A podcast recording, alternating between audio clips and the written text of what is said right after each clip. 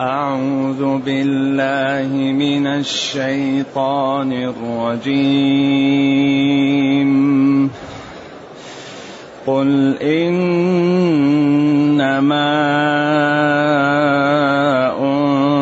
أنذركم بالوحي.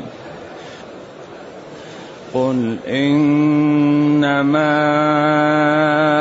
أنذركم بالوحي ولا يسمع الصم الدعاء إذا ما ينذرون. ولئن مستهم نفحة من عذاب ربك ليقولن يا ويلنا. ليقولن يا ويلنا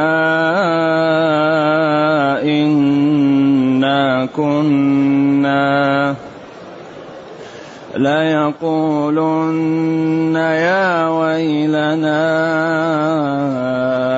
إنا كنا ظالمين ونضع الموازين القسط ليوم القيامة. فلا تظلم نفس شيئا. فلا تظلم نفس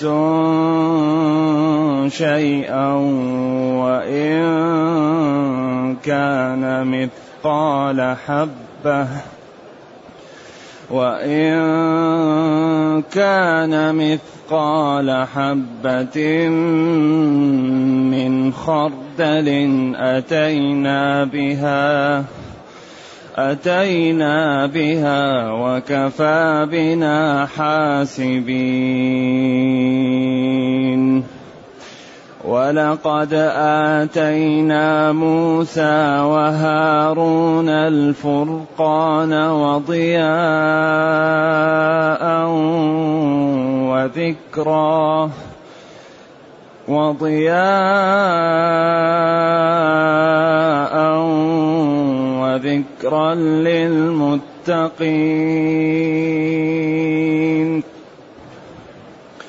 الذين يخشون ربهم بالغيب وهم من الساعة. الذين يخشون ربهم بالغيب وهم من الساعة مشفقون. وهذا ذكر مبارك أنزلناه أفأنتم له منكرون.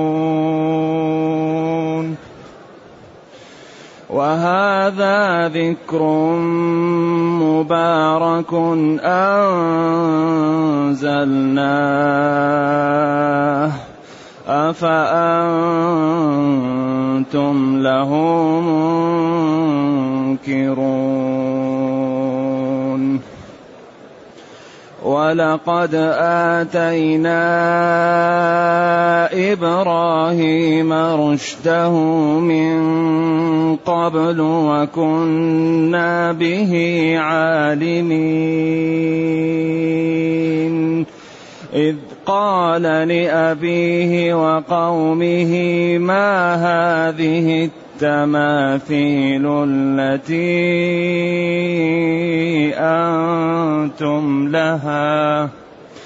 ما هذه التماثيل التي أنتم لها عاكفون؟ قالوا وجدنا آباءنا لها عابدين. قال لقد كنتم أنتم وآباؤكم في ضلال مبين. قالوا أجئتنا بالحق أم أنت من اللاعبين؟ قال بل ربكم رب السماوات والأرض الذي فطرهن وأنا على ذلكم. قال بل ربكم رب السماوات والأرض الذي فطرهن وأنا على ذلكم من الشاهدين. وتالله لأكيدن أصنامكم.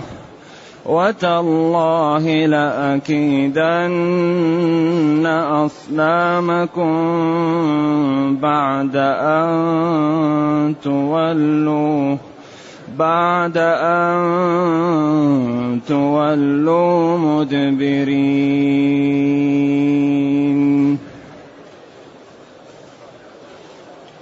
الحمد لله الذي أنزل إلينا أشمل كتاب وأرسل إلينا أفضل الرسل وجعلنا خير أمة أخرجت للناس. فله الحمد وله الشكر على هذه النعم العظيمة والآلاء الجسيمة. والصلاة والسلام على خير خلق الله وعلى آله وأصحابه ومن اهتدى بهداه. ما بعد فإن الله تعالى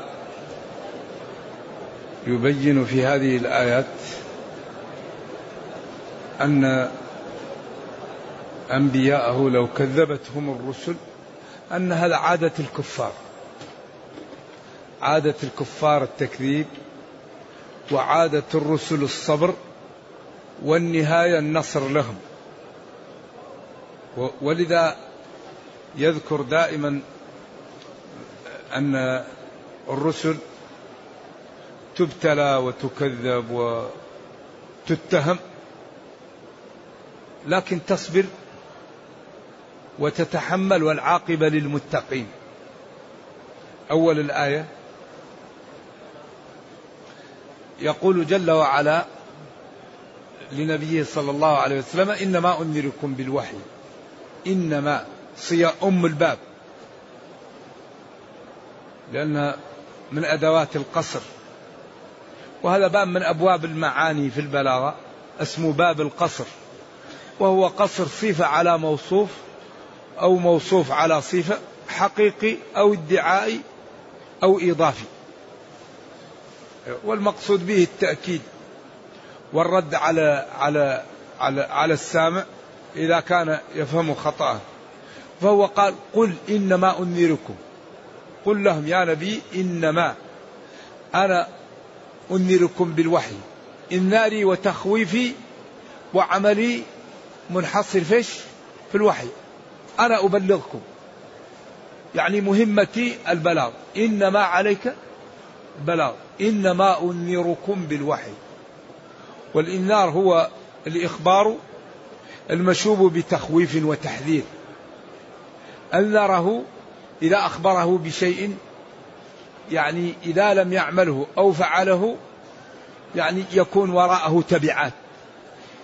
إذا الإنذار هو الإعلام المشوب بتخويف وتهديد. وأنذر عشيرتك الأقربين. أنذركم أيوة. خوفهم وأخبرهم أنك جئتهم بأمور إذا لم يتبعوك فيها فإنهم سيقعون في عقوبة وفي ورطة. إذا أنا أنذركم أخوفكم بما جاء في الوحي. أن المتقي له الكرامة والمنزلة والمجرم والكافر له العقوبة والأذية والإهانة. أنذركم بالوحي. ولذلك هذا الوحي إذا تأملناه هذا القرآن إذا تأملناه نجده دائما. جاء ليبين سبع أمور. القرآن دائما تتكرر فيه سبع أمور. وهذا معروف بالاستقراء. وهذه الأمور تتكرر. أول شيء جاء القرآن لبيانه التوحيد. وأكثر شيء في القرآن الله. وجاء التوحيد بأشكال وبطرق متعددة لا يسمعها العاقل إلا اقتنع. لذلك أقسام التوحيد الثلاثة جاءت في الفاتحة. الحمد لله. توحيد الألوهية. رب العالمين توحيد الربوبية. الرحمن الرحيم توحيد الأسماء والصفات. وقلنا إن أول أمر في المصحف اعبدوا ربكم. وأول نهي في المصحف فلا تجعلوا لله أندادا. وبين هذين الإنشائين أعني الأمر والنهي البراهين الدالة على قدرة الله. من هو ربنا الذي نعبد؟ خلقكم وخلق آباءكم وخلق السماء وخلق الأرض وأنزل المطر من السماء وأخرج النبات من الأرض. وهذه لا يقدر عليها إلا الله. وهذا يتكرر مئات المرات في القرآن.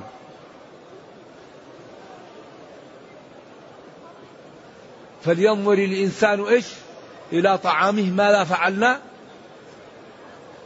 أنا صببنا أو إنا صببنا الماء صبا ثم شققنا الأرض شقا. أمر قد يكون للوجوب والناس لا تنتبه منه. فلينظر الإنسان إلى طعامه. يمكن للوجوب. طعامك من أين جاء؟ إذا نبينا يقول أنا أخوفكم بالوحي بالقرآن. أنا جئت لأبلغكم وأبين لكم وأضع لكم النقاط على الحروف. من يعمل مثقال ذرة خيرا يره. ومن يعمل مثقال ذرة شرا يره. من آمن واتقى واستقام نجا وأمن. ومن كفر وكذب وعصى هلك. إذا أكثر قلنا ما في القرآن جاء يبين سبع أمور. أول شيء توحيد وهذا يتكرر بطريق عجيبة. ثاني شيء التخويف من يوم القيامة. يوم القيامة هذا يوم ما فيه إلا إنسان يسعد أو يشقى. يوم الفضائح يوم الكرامات يوم التغابن يوم العزة يوم الإهانة يوم الكرامة. يوم القيامة. وكثيرا ما الله يخوف خلقه من يوم القيامة. إن زلزلة الساعة شيء عظيم. اتقوا يوما. يوم كان مقداره خمسين ألف سنة. يوم يجعل الولدان شيبا. يوم ترونها أي القيامة تذهل. أما أرضع لا تسمع إلا همسا. يفر المرء من أخيه وأمه وأبيه وصاحبته التي وصاحبته وبنيه وفصيلته التي ومن في الأرض. إذا يكثر التخويف من يوم القيامة. أن الإنسان يعد له العدة قبل إيش؟ قبل أن يفوتها الأوان. الثالث النبوات. الأنبياء ما لا يجب عليهم وما لا يحرم عليهم وما لا يجوز عليهم لأنهم هم المبلغون لنا وهم الواسطة بيننا وبين ربنا في ديننا. فما لا يجب عليهم النبوات في القرآن أنهم معصومون فيما يبلغون وأنهم لا ينطقون عن الهوى وأنهم يعني الله حفظهم. من, من, من المعاصي ومن خسائس الذنوب. رابع شيء الأحكام الشرعية. أحكام واجبات. صلاة صوم زكاة. إكرام والدين إكرام جيران. رفق عدم ظلم منهيات. فواحش غيبة نميمة. بعدين مندوب مكروه مباح. والآيات التي جاءت لهذه الأمور قد تكون خمسمائة آية آيات الأحكام في القرآن. وفيه كتب مؤلفة في آيات الأحكام. فقد ألفها ابن العربي وابن الفرس والكي الهراسي والشيخ الحنفي الكبير الجصاص. نعم. ف وفيه أيضا أحاديث الأحكام تعين على آيات الأحكام. ثم الخامس إكرام المتقين. وما أعد الله لمن اتقى وأطاع ربه وسلك طرق النجاة. ثم بعد ذلك عقوبة المجرمين وما أعد الله للكافرين من أنواع النكال. ثم السابع القصص. والقصص له فوائد كثيرة. منها إظهار صدق النبي صلى الله عليه وسلم وتثبيت قلبه وعيب اليهود والدليل على صدقه لأنه لا يقرأ ولا يكتب وأتى بهذه الأخبار الكثيرة المتنوعة وكلها صدق. ثم بعد ذلك إظهار جمال القرآن وإظهار حسنه وإعجازه. وأن هذا الأسلوب بهذه الأنواع لا يقدر عليه أحد. إذا هذه موضوعات القرآن السبعة. دائما نصحبها معنا التوحيد النبوات الميعاد الأحكام الوعد الوعيد القصص. ومن العجيب من إعجاز القرآن أن هذه الموضوعات السبعة موجودة في الفاتحة. وهي مشروحة في البقرة ومشروحة في بقية القرآن. إذا وضع القرآن وضع معجز. ما ما يمكن يقاوم ديننا. إلا إذا جهلناه أو لم نبينه للناس. لا يمكن أن يقف الناس في وجه الإسلام إلا إذا جهل المسلمون الإسلام أو لم يبينوه للناس أو علموه ولم يبينوه ولم يوضحوا ما لا قال ولم يوضحوا كيف نهج في الحياة ما لا يدعو الإسلام ما لا ينهى الإسلام فأقسام التوحيد الثلاثة في قوله إيش؟ الحمد لله رب العالمين الرحمن الرحيم. ويوم القيامة في قوله يوم الدين. والنبوات في قوله صراط الذين أنعمت عليهم أي من النبيين. والأحكام في قوله الصراط المستقيم الشريعة. وفي قوله إياك نعبد وإياك نستعين. والوعد في قوله أنعمت عليهم. والوعيد في قوله المغضوب عليهم. والقصص في قوله أنعمت عليهم والمغضوب عليهم. إذا موضوعات القرآن السبعة موجودة في الفاتحة. وهي مشروحة في البقرة ومشروحة في بقية القرآن. وإذا أردنا أن نختصر نقول القرآن جاء لثلاثة كلمات لثلاثة معاني. ربنا معبود بحق ومحمد صلى الله عليه وسلم مرسل من عند الله ووعد المصدق به الجنة وأوعد المكذب به النار. هذه الجمل الثلاثة تتخذ مئات الأشكال.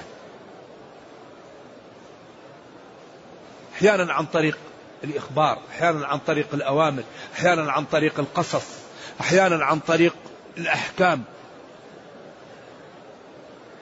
لذلك هذا الدين دين عجيب. يقول تعالى أيوة لنبيه قل لهم يا نبي إنما أخوفكم بالوحي ما أنذركم بالوحي أخوفكم وأحذركم بالوحي إنذاري وتخويفي مصاحبا بالوحي أو مستعانا به بالوحي. الوحي هو الإعلام الخفي والمقصود به القرآن والسنة. ولكن لا يسمع الصم الدعاء. ولا يسمع الصم الدعاء. الصم جمع أصم الدعاء النداء. لأن الذي حجبت موارد السمع عنه لا يسمع. إذا ما ينذرون حين ينذرون ويخوفون الصم لا يسمعون. هذا الكلام موجز. وفي آيات كثيرة بين فيها هذا. قال هناك ولقد زرعنا لجهنم كثيرا من الجن والإنس. لماذا؟ موارد العلم لم يستعملوها في شكر الله. والله قال وجعل لكم السمع والأبصار والأفئدة إيش؟ لعلكم تشكرون. أعطاك موارد العلم لتشكر الله. هؤلاء الذين أعطاهم هؤلاء الذين هيئوا لجهنم لهم قلوب لا يفقهون بها. لا يفقهون بها ما, ما ينجيهم ولهم أعين لا يبصرون بها الطريقة التي توصلهم للجنة ولهم آذان لا يسمعون بها الهداية التي تنقذهم من الضلال ومن النار. أولئك كالأنعام بل هم أضل. يقضى على المرء في أيام محنته حتى يرى حسنا ما ليس بالحسن نبينا لما حزن على أبي طالب قال كنت اظن أن حجاه يمنعه من إيش؟ من أن يموت على الكفر. كنت أظن عمي عاقل ولكنه عياذا بالله منعه الكبر. الكبر الكبر بعض الناس يكبر ما تعلم. ويكرمه الله بأن يكون عنده أولاد أصحاب علم. يقول لك كيف نتعلم من الجاهل من, من ولدي؟ طيب كيف ما تتعلم من ولدك؟ يا تتعلم يا تبقى جاهل. فيمنعه الكبر من أن يتعلم فيبقى جاهل. ولا يتعلم من أولاده وأسرته وأبنائه. تعلموا نعمة يا أخي تعلم منهم. لا ينال العلم متكبر أبدا من شروط العلم التواضع. إبليس لما تكبر قال له اخرج منها إيش؟ مذءوما مدحورا. تواضع. تكون كالبدر تبصر وجهه على صفحات الماء وهو رفيع. ولا تكن كالدخان يعلو بنفسه إلى طبقات الجو وهو وضيع.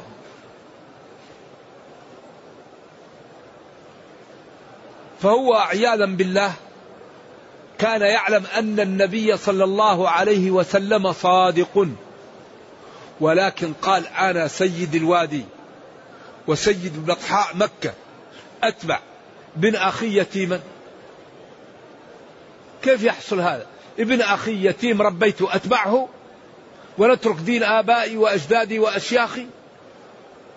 ما حصل. عياذا بالله جاءه الكبر.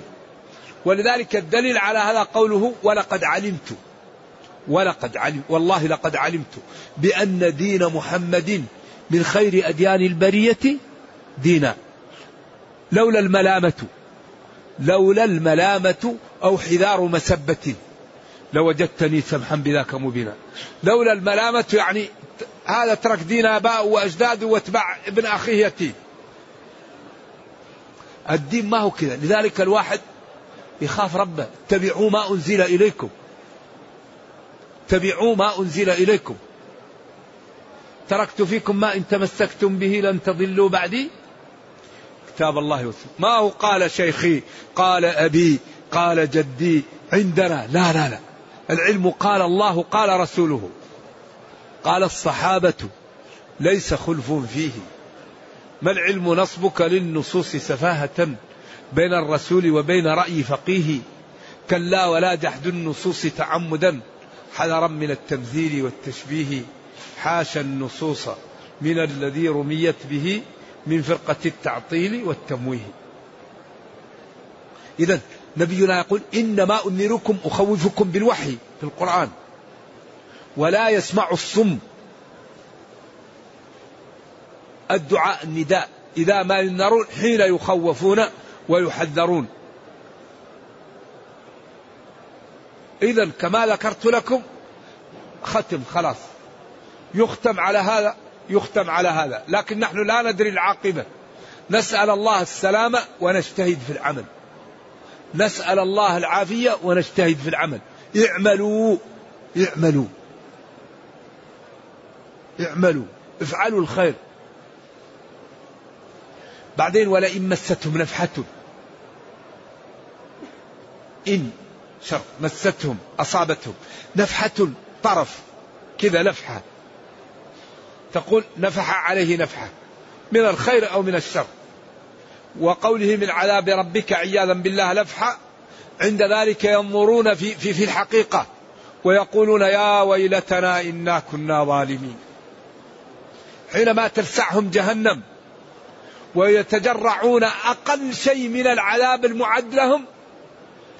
يأتي الندم ويأتي الصياح. يا ويلنا إنا كنا ظالمين. هذا يقال لنا ونحن في الدنيا الآن. الحمد لله أننا لا زلنا في الدنيا. هذه نعمة من الله أننا نخبر ويبين لنا مآل هؤلاء ونحن في الدنيا. كل واحد منا يمكن يجد طريق لنفسه. التوبة مفتوحة والجد مفتوح والأعمال الصالحة مفتوحة وربنا لا يضيع أجر من أحسن عمل الحمد لله نخبر بهذا ونحن لا زلنا في الدنيا. المشكلة الذين ماتوا وعاينوا هذا ولم يبقى لهم رجعة. ما عندهم. نفحة طرف جانب من عذاب ربك أي عذاب عظيم منسوب لله وكذلك أخذ ربك إذا أخذ القرى وهي ظالمة إن أخذه أليم شديد. ليقولن يا ويلنا يا ويلنا إنا كنا ظالمين إنا كنا كافرين طاغين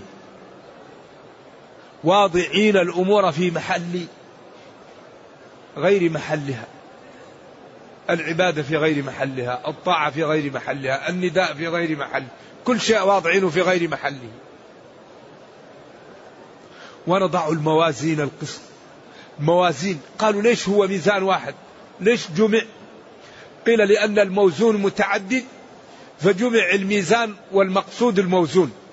كما قال نهر جاري والنهر لا يجري وإنما يجري الماء في النهر. النهر هو الشق في الأرض. فسموا النهر يجري والذي يجري الماء.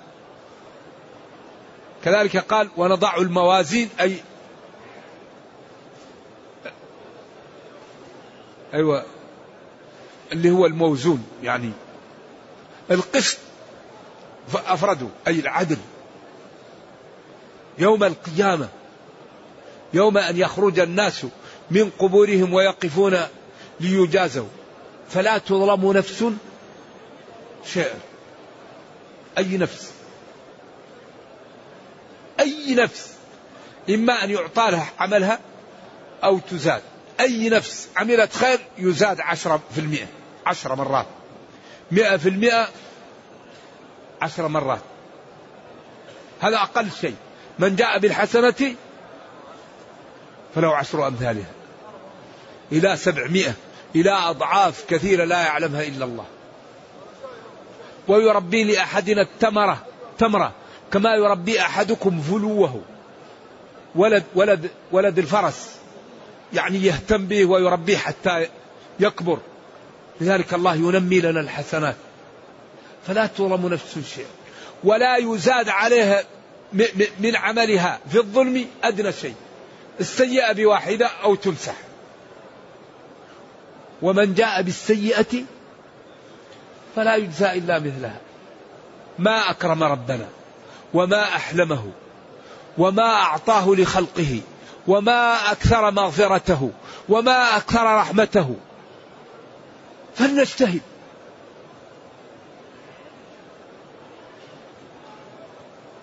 وإن كان مثقال حبة وإن كان مثقال حبة. كان تاما أو ناقصا.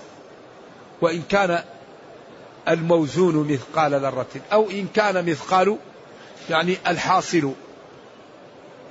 آه، مثقال ذرة. كان تامة وناقصة كما قال وإن كانت واحدة وإن كانت واحدة. وكل قراءة سبعية وصحيح. حبة من خردل. خردل معروف. أتينا بها. ولم ننقص إنسان أي شيء من عمله وكفى بنا. حاسبين وعادين على كل إنسان عمله لأنه جل وعلا عالم وكريم وقادر وغني عالم وكريم وقادر وغني. فما بالك بمن هو كريم وقادر وعليم وغني؟ إذا عمل له عبده سيغنيه ويحميه ويعز ويجعل له الدرجات العلى.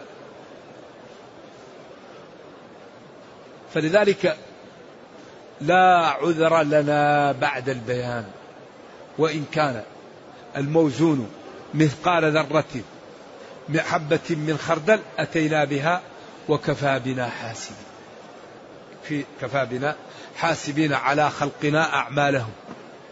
ولذلك يقولون عياذا بالله هؤلاء الذين انحرفوا يا ويلتنا ما لهذا الكتاب لا يغادر صغيرة ولا كبيرة إلا أحصاها ووجدوا ما عملوا حاضرا ولا يظلم ربك أحد. اقرأ كتابك كفى بنفسك اليوم عليك حسيبا. هذا العدل المطلق هذا الغنى المطلق. هذه القدرة المطلقة.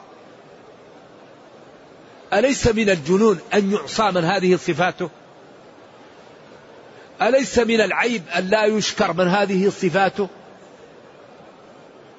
أليس من المخاطرة أن لا يخاف من هذه صفاته؟ لذلك العبد إذا كان عبد لله وأطاع الله الله يحميه الله يغنيه الله يعزه الله ينصره الله يجعل له البركة في كل أعماله. والله يقول إن الله لا يخلف الميعاد ولا ينصرن الله من ينصر إن تنصروا الله ينصركم إن تتقوا الله يجعل لكم فرقان. يجعل لكم فرقا بين الحق والباطل وبين الوحل والنجاة. وبين النافع والضار الذي يتقي الله الله يعطيه نور يعطيه بصيرة يجعل له جنود يجعل له حماية. إذا أراده من يريد به سوء الله يدافع عنه. إن الله يدافع عن الذين آمنوا. طيب لماذا لا نكون من عبيد الله الصالحين؟ ما الذي يمنعنا؟ لماذا لا نجتهد في أن نكون عبيد لله؟ لماذا أن نبذل حتى نكون من الصالحين. نكون من الأتقياء. نكون من الذين يدافع الله عنهم. نكون من الذين يجعل لهم مخرج. نكون من الذين يرفعون يوم القيامة.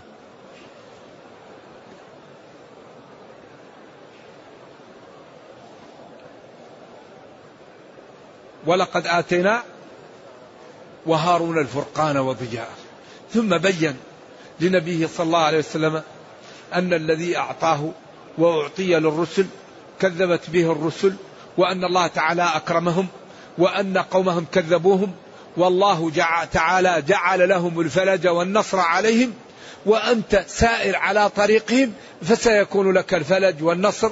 وقد أخبر بهذه الأمور ولا يخبر بهذه الأمور إلا من كان عالما أو ينزل عليه الوحي وهو كان أمي لا يقرأ ولا يكتب فهذا الوحي أكبر دليل على أنه رسول وأنه جاء من عند الله فينبغي لمن حضره أن يؤمن به ويصدق به ويبادر بالتوبة قبل أن يفوت عليه الأوان. ولقد آتينا إبراهيم ولقد موسى وهارون الفرقان وضياء. أعطينا موسى. موسى نبي الله بن عمران وهارون أخوه. وقد سبق أن قلنا أن أكبر واسطة في الدنيا واسطة موسى لهارون. قال له أخي اجعله اجعله رسول معي. كثير من الإخوة يحسد أخاه. لا يحب إذا كان عالم لا يحب أخوه أن يكون عالم إذا كان غني. وهذا عيب والله. هذا لما قال له اذهب إلى فرعون قال إيش؟ رب اشرح لي صدري ويسر لي أمري واحلل عقدة من لساني يفقه قولي واجعل لي وزيرا من أهلي هارون أخي. وربنا كريم. قال له قد أوتيت سؤلك يا موسى. كل ما سألت أعطي. فقالوا هذا أكبر واسطة في الدنيا. توسط لأخيه وجعله رسولا معه. ولقد آتينا موسى وهارون الفرقان التوراة التي يفرق بها بين الحق والباطل. وهذا الفرقان الذي أعطاهم أنتج لهم ضوءا ونورا بالعمل به وبالبصيرة التي تكون عند الإنسان باتباعه للدين وضياء. الإنسان إذا طاع ربه تكون له بصيرة. وهذه البصيرة تجعلك يكون تكون موفق. وتبتعد عن الضلال وتتبع عن مواقع الشبه وعن مواقع الضلال. ولذلك كل ما اهتدى الإنسان كل ما زاده الله هدى. الحسنات تدعو للحسنات. والسيئات تدعو للسيئات. أبو لهب لما بادر بالتكذيب قال له ربه تبت يدا أبي لهب وتب. خلاص أشقاه الله لمسارعته للتكذيب. وقال للثاني أسلمت على ما أسلفت. صنائع المعروف تقي مصارع السوء. الذي يعمل المعروف دائما الله يحميه وتكون أموره طيبة ولا يفتضح وتكون أموره مستورة. لأن الله كريم. والذي يبذل الله يبذل. له ولقد آتينا موسى وهارون الفرقان التوراة. وضياء ونورا. قيل الواو زائدة. أتنا موسى وهارون الفرقان ضياء. وقيل الواو ليست زائدة. وهذا يكون وهذا يدل على أن وضياء شيء في, في, في, في نفس التوراة للتغاير الموجود عطف عليه. وذكرا للمتقين. وتذكيرا وتخويفا وتنبيها وتعليما للمتقين. جمع متقي الذين يخافون الله ويجتنبون معاصيه. وذكرا للمتقين الذين يخشون ربهم بالغيب. يخشون يخافون. ربهم هو الذي رباهم وهو السيد والمالك والمدبر للأمور. الرب هو السيد والمالك والمدبر للأمور والمعبود. كله أربع معاني. السيد والمالك والمدبر والمعبود. كله يقال له الرب. ومنه لأن يربني رجل من مضر خير من أن يربني رجل من هوازن. أسكت يوم حنين. ومنه رب البيت ورب الدابة. ومنه الرب الذي يوضع في العكة ماعون السمن. ليجعل السمن نكهته جيدة يسمى الرب. وهو مادة تعمل من التمر أو من الحب. يسمى الرب. ومنه التربية لأنه يربي. أيوة المادة كلها من التربية.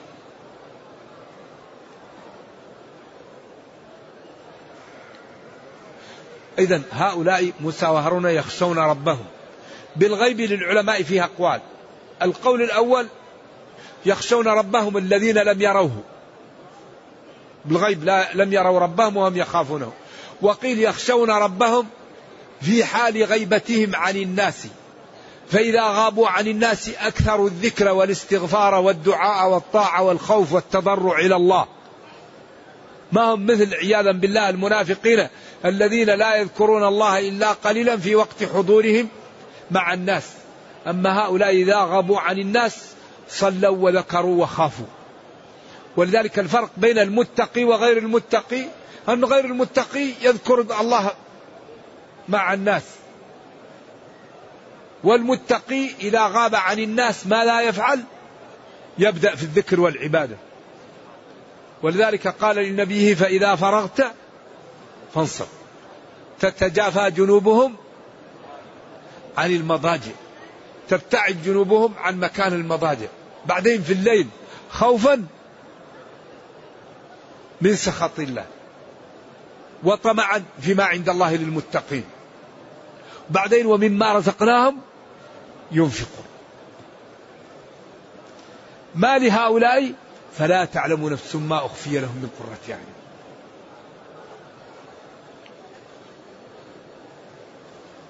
قال الذين هم في صلاتهم خاشعون والذين هم عن اللغو معرضون والذين هم للزكاة فاعلون. هذه موارد كبريات موارد أسباب دخول الجنة.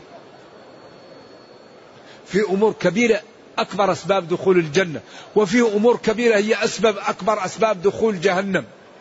لذلك ديننا يبين كل شيء. بين ديننا كل ما نحتاج إليه. تبيانا لكل شيء. وذكرا للمتقين أي جمع متقي. والمتقي هو الذي لا يرى حيث نهي ولا يتخلف حيث أمر. هذا هو المتقي. أو الذي يجعل بينه وبين عذاب الله وقاية بطاعته.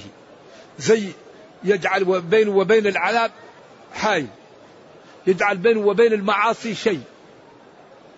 إذا إذا تعرت المباحات يقف. وبينهما أمور المتقي يترك المشتبهات ما يفعلها. ولذلك المتقي لا يقاوم أبدا. الله يحميه الله ينصره الله يوفقه. لو جاءه أهل الأرض يريدون به الله لا عبادي ليس لك عليهم سلطان. نعم. إن الله يدافع عن الذين آمنوا يرد عنهم رد بعد رد؟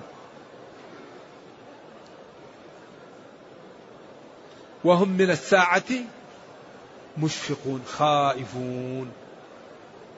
خائفون من يوم القيامة. خائف أن لا يكون على نفاق لا يدري عنه. على السمعة لا يدري عنها. يخاف أن يتغير إيمانه قبل أن يموت. لذلك كل ما زاد علم الإنسان زاد خوفه. كل ما زاد علم الإنسان زاد الخوف من الله. ولذلك قال والله إني لا أعلمكم بالله وأخشاكم. لما قال بعضهم لا أنام الليل وبعض لا أفطر النهار وبعضهم لا أتزوج النساء وهم بعضهم بالإخصاء قال أنتم الذين فعلتم؟ قال أما إني أفعل وأفعل والله إني لا أعلمكم بالله وأتقاكم له.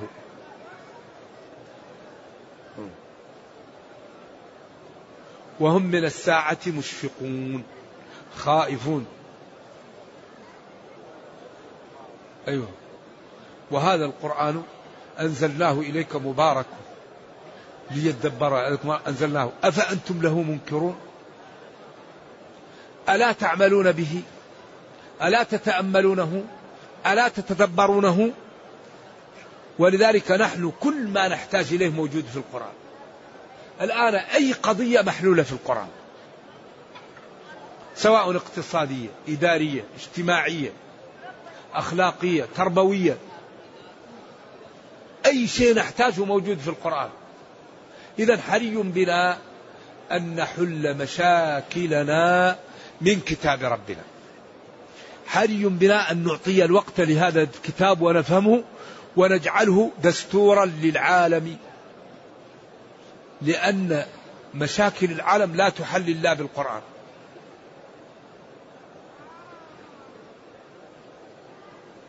وهذا كتاب أنزلناه إليك ذكر أنزلناه إليك مبارك. وهذا كتاب وهذا ذكر مبارك. وهذا كتاب أنزلناه إليك وهو تذكير للناس وموعظة لهم وبيان لهم مبارك كثير البركة والخير والنفع. كما قال كتاب أنزلناه إليك مبارك ليدبروا آياته أهم شيء التدبر أفلم يدبروا القول؟ أم على قلوب أقفالها؟ أفلا يتدبرون القرآن؟ وهذا ذكر مبارك أنزلناه أفأنتم له منكرون؟ أفأنتم له مكذبون ومنكرون وجاحدون لما فيه من الخير والنفع لكم والرفعة؟ ثم قال جل وعلا ولقد آتينا إبراهيم رشده من قبل أي من قبل موسى وهارون أو من قبل أن يبلغ أو من قبل أن نوجده كتبناه في اللوح المحفوظ. قبل ذلك. وكنا به عالمين أي بما أردنا به وبما فعلنا به لأنه لا يقع شيء إلا بعلمنا وتحت سلطاننا وقدرتنا. حين قال لأبيه وقومه ما هذه التماثيل التي أنتم لها عاكفون؟ على سبيل الإنكار والإزراء وعلى سبيل التعليم بطريق الحجج. أعطينا إبراهيم رشده أعطيناه الحجة والبيان والهداية. الرشد يدخل فيه قوة الحجة يدخل فيه قوة الإيمان يدخل فيه قوة البيان. أعطيناه الرشد من قبل ذلك. وكنا به عالمين أي بفعله وبقوله وبأموره حين قال لأبيه وقومه ما هذه التماثيل؟ جمع تمثال التي أنتم لها عاكفون وهو ما يمثلوه على شكل الإنسان ويعبدوه. قالوا أبوه آزر ونمرود وجدنا آباءنا لها عابدين. وجدنا آباءنا العابدين تقول له قال الله يقول لك شيخي قال كذا. أو في المذهب عندنا.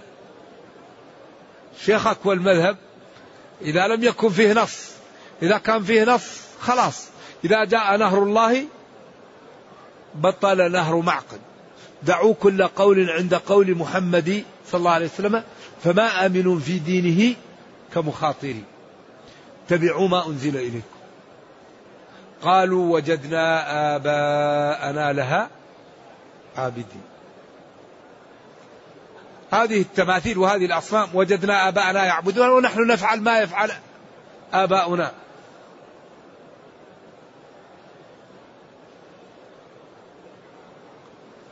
قال إبراهيم لهم ماذا؟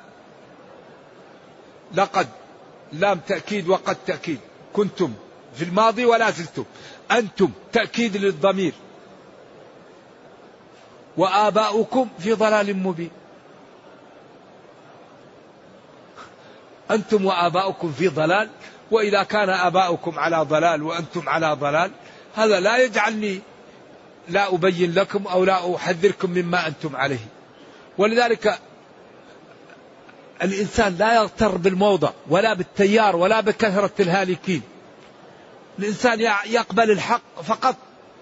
فإن تبع الناس الحق يمشي معهم وإن لم يتبعوا الحق يتبع هو الحق. قال لهم إبراهيم أنتم وآباؤكم في ضلال مبين. أنتم في ضلال. قالوا أجئتنا بالحق أم أنت من اللاعبين؟ أنت هذا الذي تقول جئت به هو الحق أو أنت تلعب تهزأ بنا. أو هذا الكلام الذي تقول للسخرية والهزء. لأن نفوسهم متشبعة بالأصنام وبالآباء. ولذلك إذا امتلأ قلب الإنسان من الخطأ يرى الضلال الحق ضلالا. إذا امتلأ قلب الإنسان من الضلال يرى الحق ضلالا.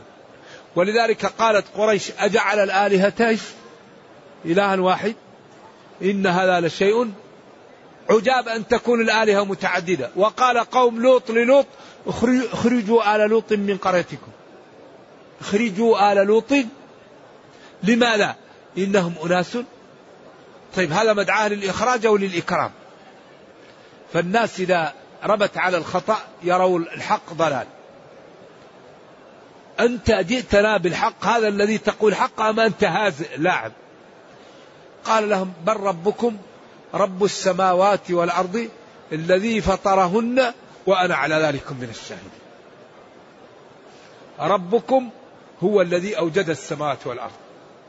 هذا الذي يستحق العبادة وهذا الرب الحقيقي. وأنا أشهد على ذلك. إذا أكبر سر هو الخلق. الآن كم التطور الموجود في العالم الآن؟ ما استطاع الخلق الآن على التطور أن يخلقوا ذبابة. هم إذا أخذوا الخلية ووضعوا فيها المادة التي تجعلها تنمو هم ما ما أتوا بشيء من أنفسهم. هم ينشئوا خلية من أنفسهم ما يقدروا. أبدا. ولذلك أفمن يخلق كمن لا يخلق اعبدوا ربكم الذي خلق. يخلقكم في بطون أمهاتكم خلقا من بعد خلق في ظلمات ثلاث. ذلكم الله ربكم له الملك لا إله إلا هو. فأنها تصرفون أين تذهب العقول؟ قال أحد المشتغلين بالمختبرات. قال جلست في مختبر ربع قرن خمسة وعشرين سنة ووجدت أن هناك قوة هائلة تأمر على المادة الذي يخلق منها.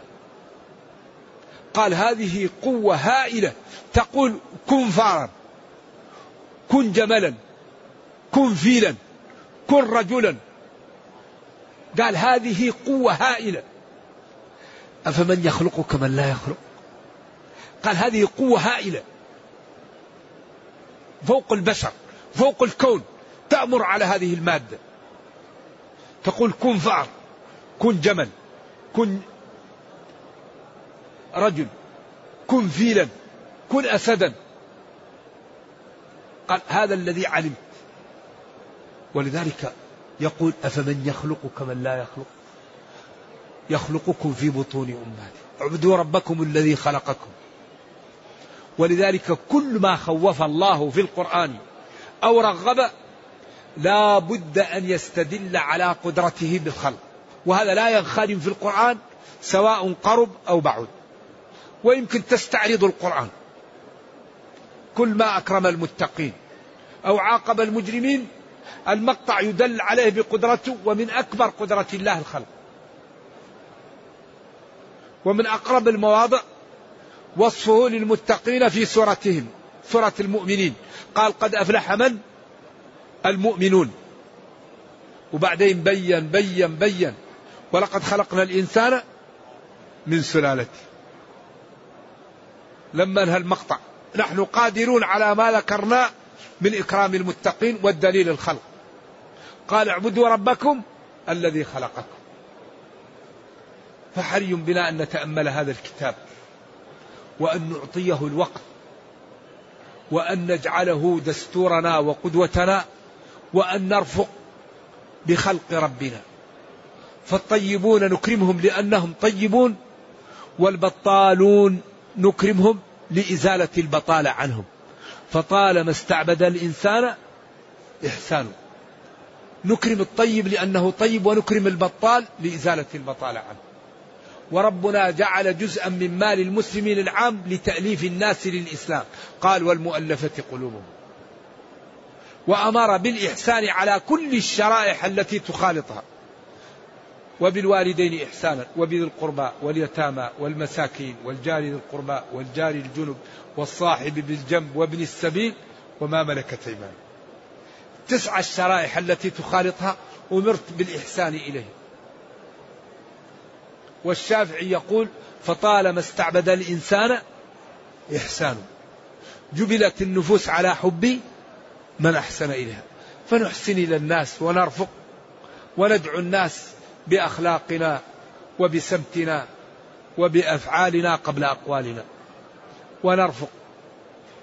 وربنا كريم ولا يضيع أجر من أحسن عملا. نرجو الله جل وعلا أن يرينا الحق حقا ويرزقنا اتباعه. وأن يرينا الباطل باطلا ويرزقنا اجتنابه وأن لا يجعل الأمر ملتبسا علينا فنضل. اللهم ربنا أتنا في الدنيا حسنة وفي الآخرة حسنة وقنا عذاب النار.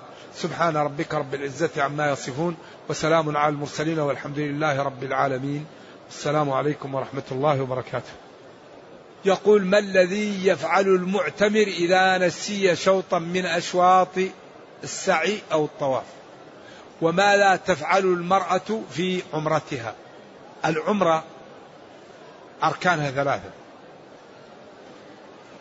وهذه الأركان إذا لم تؤتى بها يبقى الإنسان محرم إلى قيام الساعة. ولذلك الحج والعمرة ليسوا كغيرهم. عبادة إذا دخل فيها الإنسان لا يخرج منها إلا بواحد من ثلاثة أمور. يا بالاشتراط. وجلة من العلماء قالوا قضية عين ولكن الأدلة كما قلنا حديث ضباعة دليل على الاشتراط. إني وجع قال حجي حجي واشترطي. وقولي لباك فإن حبسني حابس فمحلي حيث حبستني. فإذا اشترط الإنسان إذا جاءه أي شيء يفك الإحرام ولا شيء عليه. على القول الذي يقول هذا وهو له دليل. القول الثاني الذي يفك به الإحرام أن يطوف بالبيت وينهي العمرة. الثالث أن يحصره العدو. فإذا دخل المسلم في الإحرام وأراد أن ينزعه يبقى محرم. فإذا جاء أهله يكون عصا. وإذا استعمل الطيب يكون عصا لأنه يبقى محرم.